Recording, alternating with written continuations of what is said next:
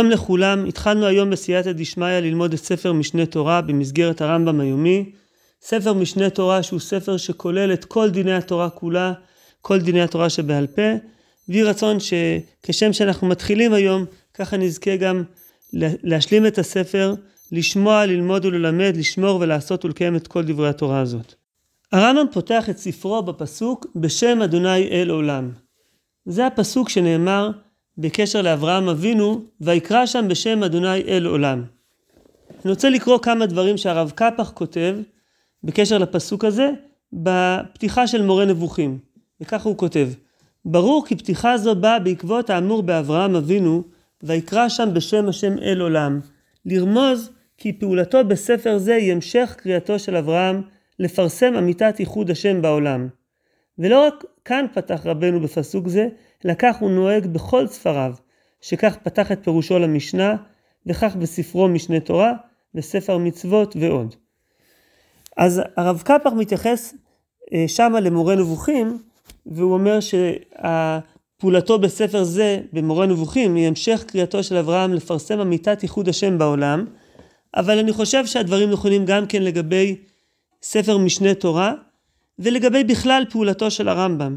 הרמב"ם בפעולתו הספרותית נקרא לזה, הוא, הוא בא לקרוא בשם השם אל עולם, לפרסם את דרכי השם בעולם, את ייחוד השם בעולם, ובכלל את מצוות השם.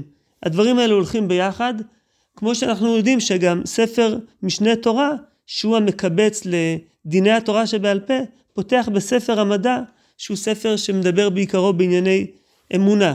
אז הדברים האלו הם כרוכים ביחד אצל הרמב"ם, והם ביחד שייכים לתנועה של לקרוא בשם השם אל עולם. אולי אני אוסיף בהערת אה, סוגריים, ששתי הדמויות המקראיות הנערצות על הרמב"ם הם אברהם אבינו ומשה רבנו. אפשר לראות את זה בהרבה מקומות. אה, אברהם אבינו, מקום אחד בולט זה בהלכות עבודה זרה, בעזרת השם נראה את זה בהמשך, ומשה רבנו בהרבה מקומות וכבר כאן בפתיחה שלו של משנה תורה. אז זאת, זו, זה הפסוק הראשון שבו פותח הרמב"ם את הספר משנה תורה, וככה גם את כל הספרים האחרים שהוא כותב. אבל אחרי הפסוק המקדים הזה, יש עוד פסוק אה, מקדים, ו, וזה פסוק ש, שמתחלף בין הספרים השונים. בחיבורים השונים שלו, כל חיבור יש לו פסוק אחר, שבא אחרי הפסוק בשם השם אל עולם, וגם במשנה תורה, בכל אחד מהי"ד ספרים, יש פסוק מקדים, ועוד פסוק אחד בהקדמה למשנה תורה, שזה הפסוק שלנו, אז לא אבוש בהביטי אל כל מצוותיך. פסוק מתהילים אה, קי"ט. והפסוק הזה בעצם מדבר על הרעיון הזה של בהביטי אל כל מצוותיך, על כלל המצוות, וזה באמת מה שהרמב"ם הולך לעשות בהמשך ההקדמה הזאת, זה לפרט את כל התרי"ג מצוות, הוא עושה את זה בכמה וריאציות, כמה רשימות, אולי אה, אולי נדבר על זה בהמשך, בשבוע הבא. בכל אופן, אה, בעזרת השם נראה את זה ב, בימים הקרובים בלימוד של ההקדמה. וזה גם משהו שנמצא כבר בהקדמה שלו לספר המצוות.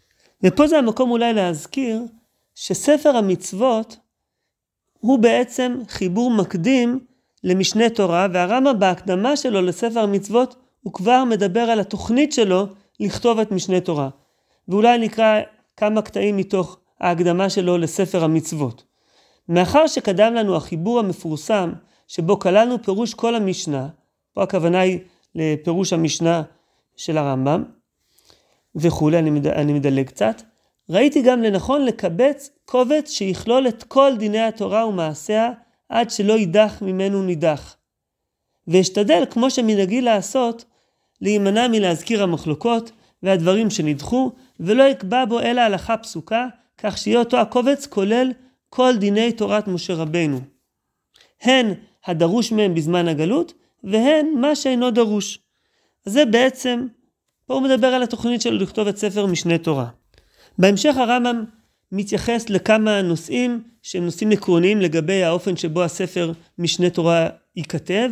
הוא אומר שהוא רוצה לכתוב את זה באופן שהוא לא יתייחס לשמות של החכמים ש, שבעלי אותם הלכות, אלא לכתוב הלכות פסוקות, לא ייכנס לעניינים של מחלוקות, ו, וגם אחר כך הוא מתייחס לשאלה באיזה שפה הוא יכתוב את, ה, את, את ספר משנה תורה.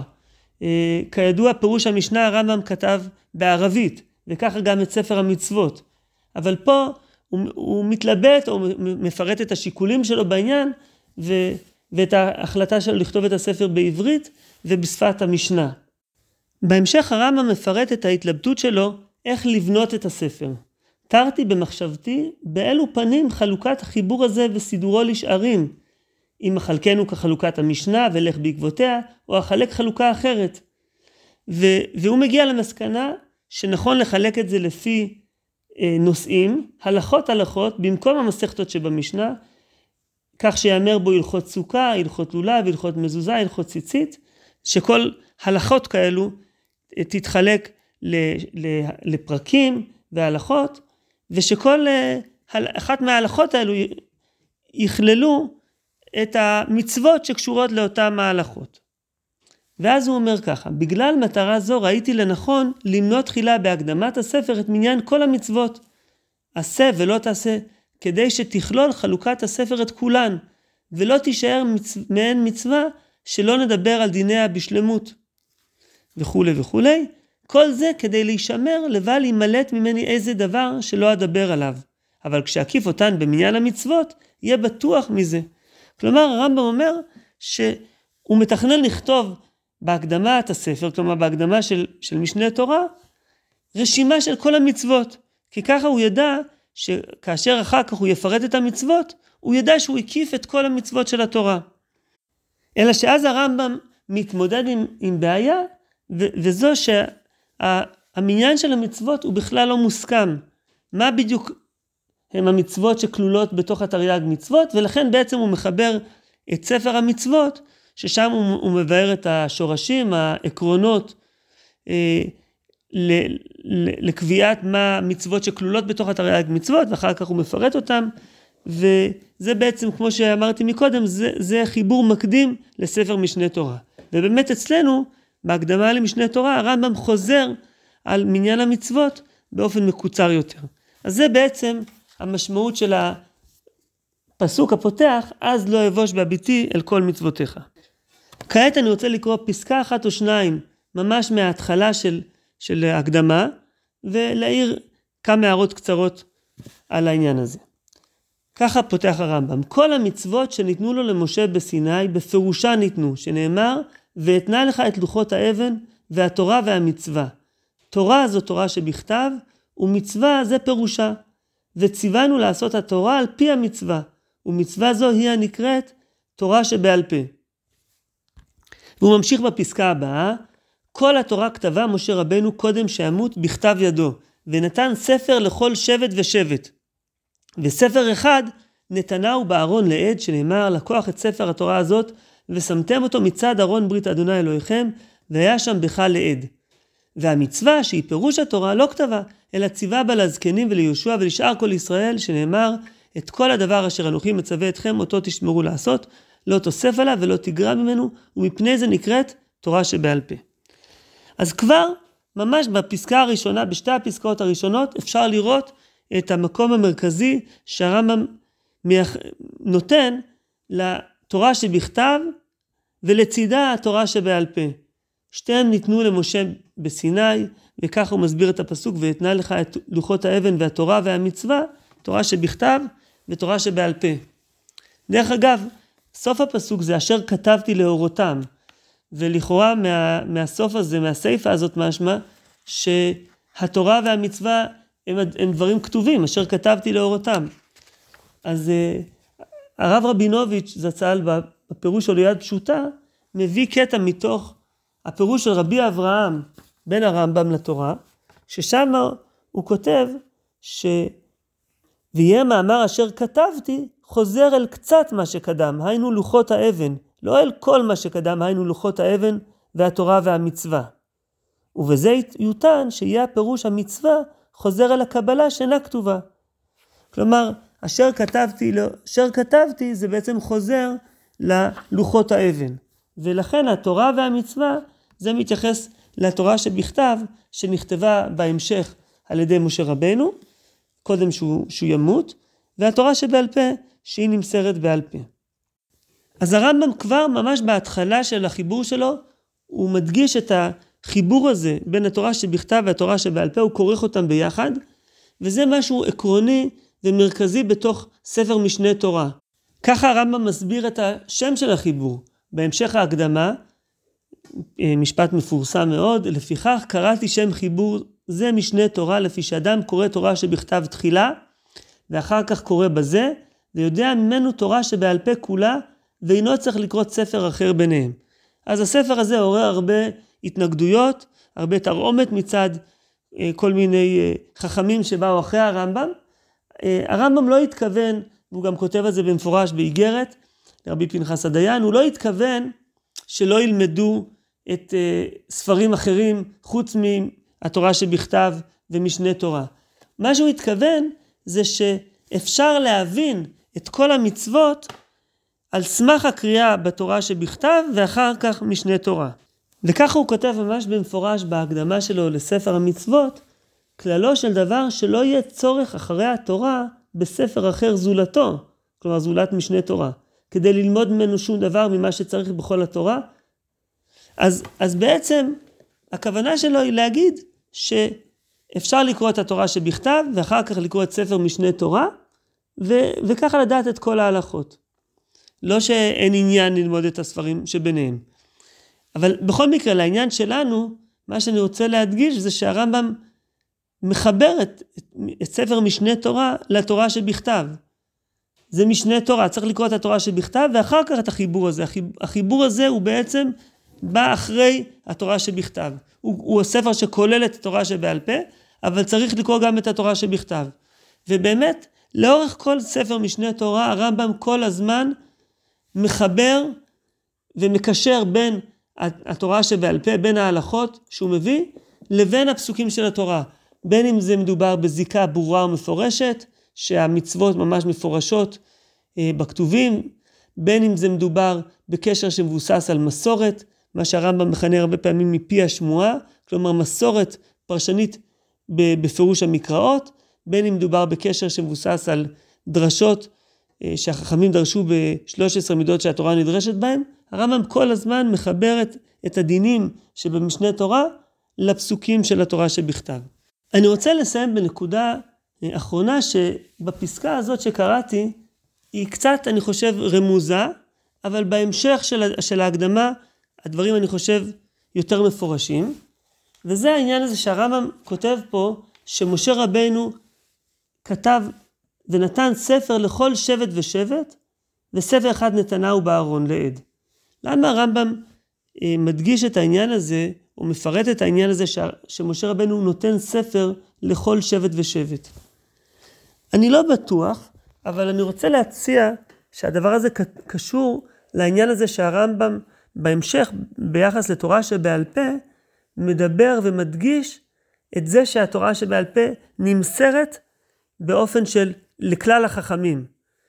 הרמב"ם, שהוא יפרט את שלשלת המסירה, הוא מתחיל בזה שהתורה משה רבנו לימדה, כול, לימדה משה רבנו כולה בבית דינו לשבעים זקנים.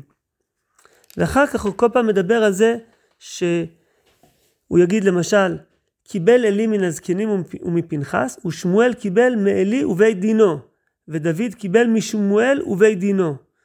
כל פעם הוא מדבר על, הוא מביא את הדמות המרכזית, שהיא הדמות שהיא אחראית להעברת התורה שבעל פה, לשלשלת המסירה, אבל כל פעם זה לא אדם בודד, אלא זה פלוני ובית דינו. העניין הזה של, של, של בית דינו, זה, זה הרעיון הזה שהתורה שבעל פה עוברת ונמסרת על ידי כלל החכמים.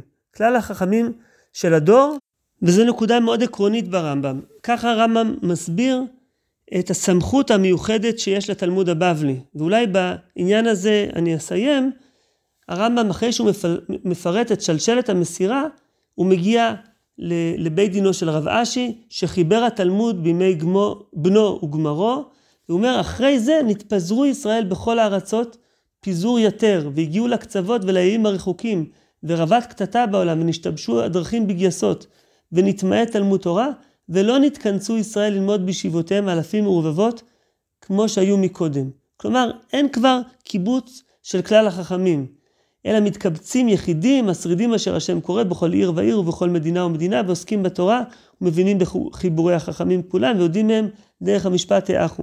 אבל אין פה משהו של כלל החכמים. ולכן הרמב"ם אומר ש, שמה שנקבע אחרי חתימת התלמוד, אין לו כבר את אותו תוקף שיש לתלמוד. ו, והוא חוזר על זה בהמשך, והוא מסביר שהסמכות של התלמוד נובעת בדיוק מהנקודה הזאת. וככה הוא כותב, הואיל וכל אותן הדברים שבתלמוד הסכימו עליהם כל ישראל, ואותן החכמים שהתקינו או שגזרו או שהנהיגו או שדנו דין ולמדו שהמשפט כך הוא, הם כל חכמי ישראל או רובן, והם ששמעו הקבלה בעיקרי התורה כולה, איש מפי איש עד משה. אז התורה שבעל פה, הסמכות שלה והכוח שלה הוא על ידי זה שהוא עובר, שהיא עוברת אה, מדור לדור על ידי כלל החכמים. והחכמים בכל דור ודור מוסיפים את, ה, את החידושים שלהם, את התקנות שלהם וכולי וכולי, אבל הדבר הזה מקבל תוקף על ידי כלל ישראל. אולי אני אסיים בהקשר הזה במשהו שהוא, שהוא קשור לעניין הזה, גם אם לא בדיוק באותו אופן, וזה כשהרבי מלובביץ' תיקן את התקנה הזאת של הלימוד של הרמב"ם היומי, אחד מהנקודות שהוא ציין זה את הדבר הזה שיש פה לימוד שהוא נעשה ביחד על ידי כלל ישראל. לימוד של כלל ישראל לומדים ביחד, וזה נותן ל, ללימוד גם כן איזשהו כוח נוסף. אז אה, אני מברך אותנו שוב פעם במה שפתחתי, שכשם שאנחנו מתחילים עכשיו את ספר משנה תורה ביחד, ככה גם נזכה להשלים את הלימוד של הספר הזה ביחד, יחד עם כלל ישראל.